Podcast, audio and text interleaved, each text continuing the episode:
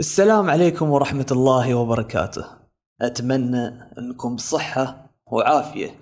اليوم يوم عظيم بالنسبة لي لأن بعد تردد كبير. أخيرا اتخذت قرار بالدخول إلى عالم البودكاست. في خطوة جديدة من رحلة إن شاء الله إنها راح تكون ممتعة. شكرا لكل اللي دعموني على الانستغرام وشجعوني أبدأ في هذا البودكاست. وأتمنى أن أرتقي لتوقعاتكم وأكون عند حسن ظنكم فيني.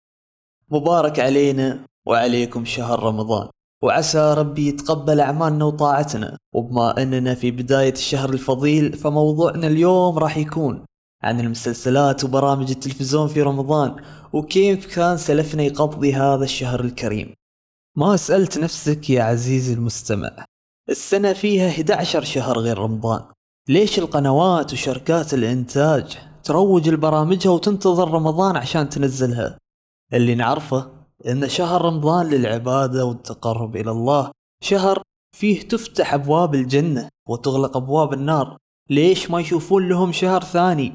ليش رمضان بالذات؟ فسؤالنا اليوم هل هذا شيء متعمد؟ هل الغاية إبعاد الناس عن دينهم وتضييع هذه الأيام اللي ما تتعوض؟ أم إنه هدف مادي؟ الظاهرة هذه موجودة من أول ما قالوا تلفزيون. لكن في قناة بالذات تميزت عن الباقي في إشغال المسلمين عن الطاعة بمحتوى هابط في الشهر الكريم. ما راح أذكر اسمها هذه القناة لأن ما أبغي أدخل في قضايا من أول حلقة بودكاست. هذه القناة واللي على شاكلتها وجدت أن في رمضان تكثر التجمعات العائلية وأن الفرد يتغير نظام نومه بسبب الصوم والسحور فيبقى لأوقات متأخرة أكثر الأيام. والمشاهدات ترتفع أكثر عن باقي الشهور. ومثل ما تعرفون مشاهدات أكثر معناه فلوس أكثر. ويوم تكون الفلوس هي الأولوية تتبعها قرارات لا تضع الدين في الحسبان. فقررت تستهدفه بشكل مكثف. كيف؟ عن طريق كلمة حصريات. مسلسلات ما تنزل إلا في شهر رمضان. وبرامج يقدمها مشاهير لهم متابعين. لكن برامجهم بس تنزل في رمضان.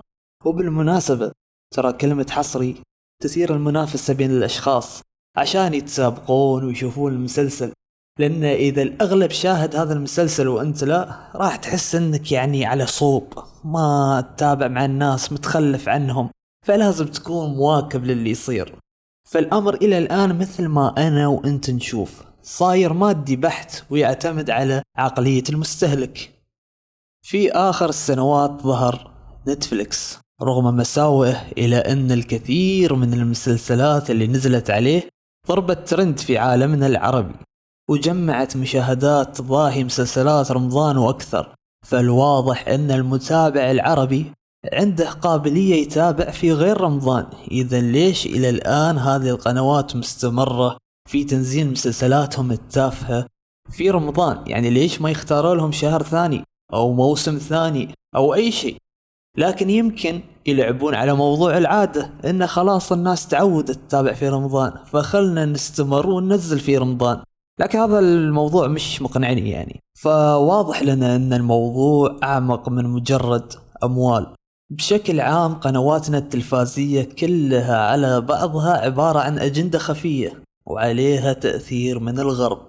فالمطلع على تاريخنا الإسلامي يعرف كيف إن لهذا الشهر منزلة في قلوب المسلمين وله من البركة ما يزيد من قوة وترابط المؤمنين مع الله ومع بعضهم البعض.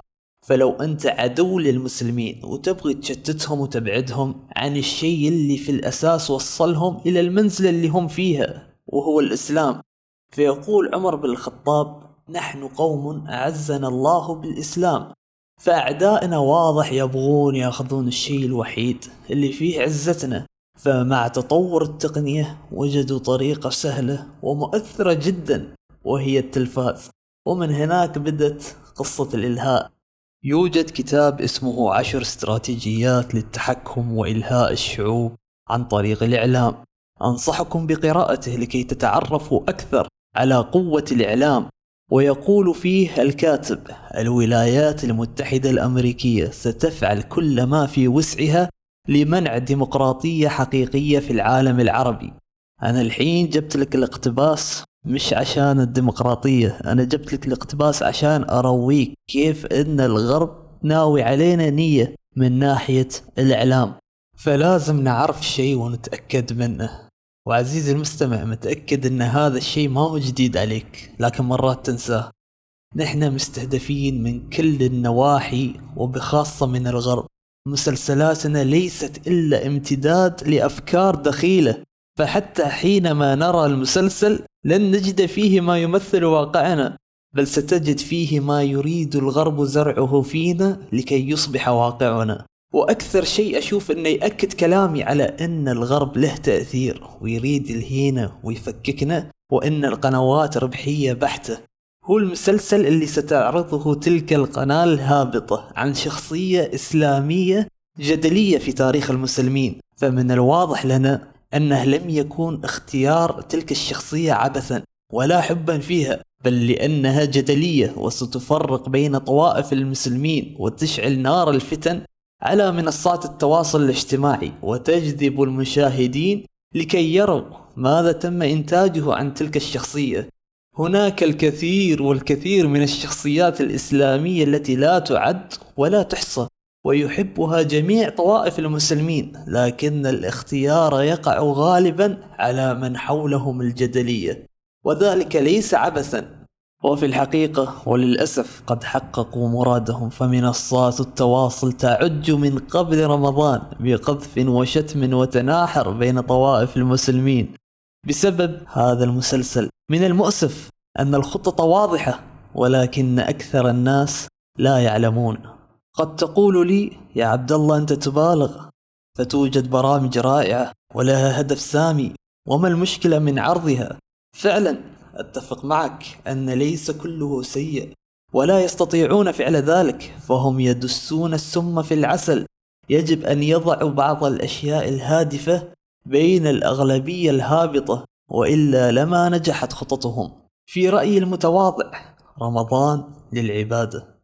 يمكنك رؤية البرامج الهادفة ومتابعتها خارج رمضان. فقد كان الإمام أحمد يغلق الكتب ويقول هذا شهر القرآن. وكان الإمام مالك لا يفتي ولا يدرس في رمضان ويقول هذا شهر القرآن.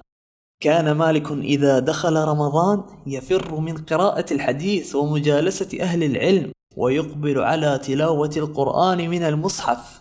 إذا لم يكن لشهر رمضان ميزة سوى نزول القرآن لكان تميز عن باقي الشهور. فما بالك وفيه ليلة القدر؟ تلك الليلة التي قال الله تعالى عنها أنها خير من ألف شهر. فما بالنا نسهو عنه ونتركه. ما بالنا لا نستغل كل ثانية فيه. ويا ريت يعني نترك هذا كله عشان شيء يسوى عشان باقي الشركة.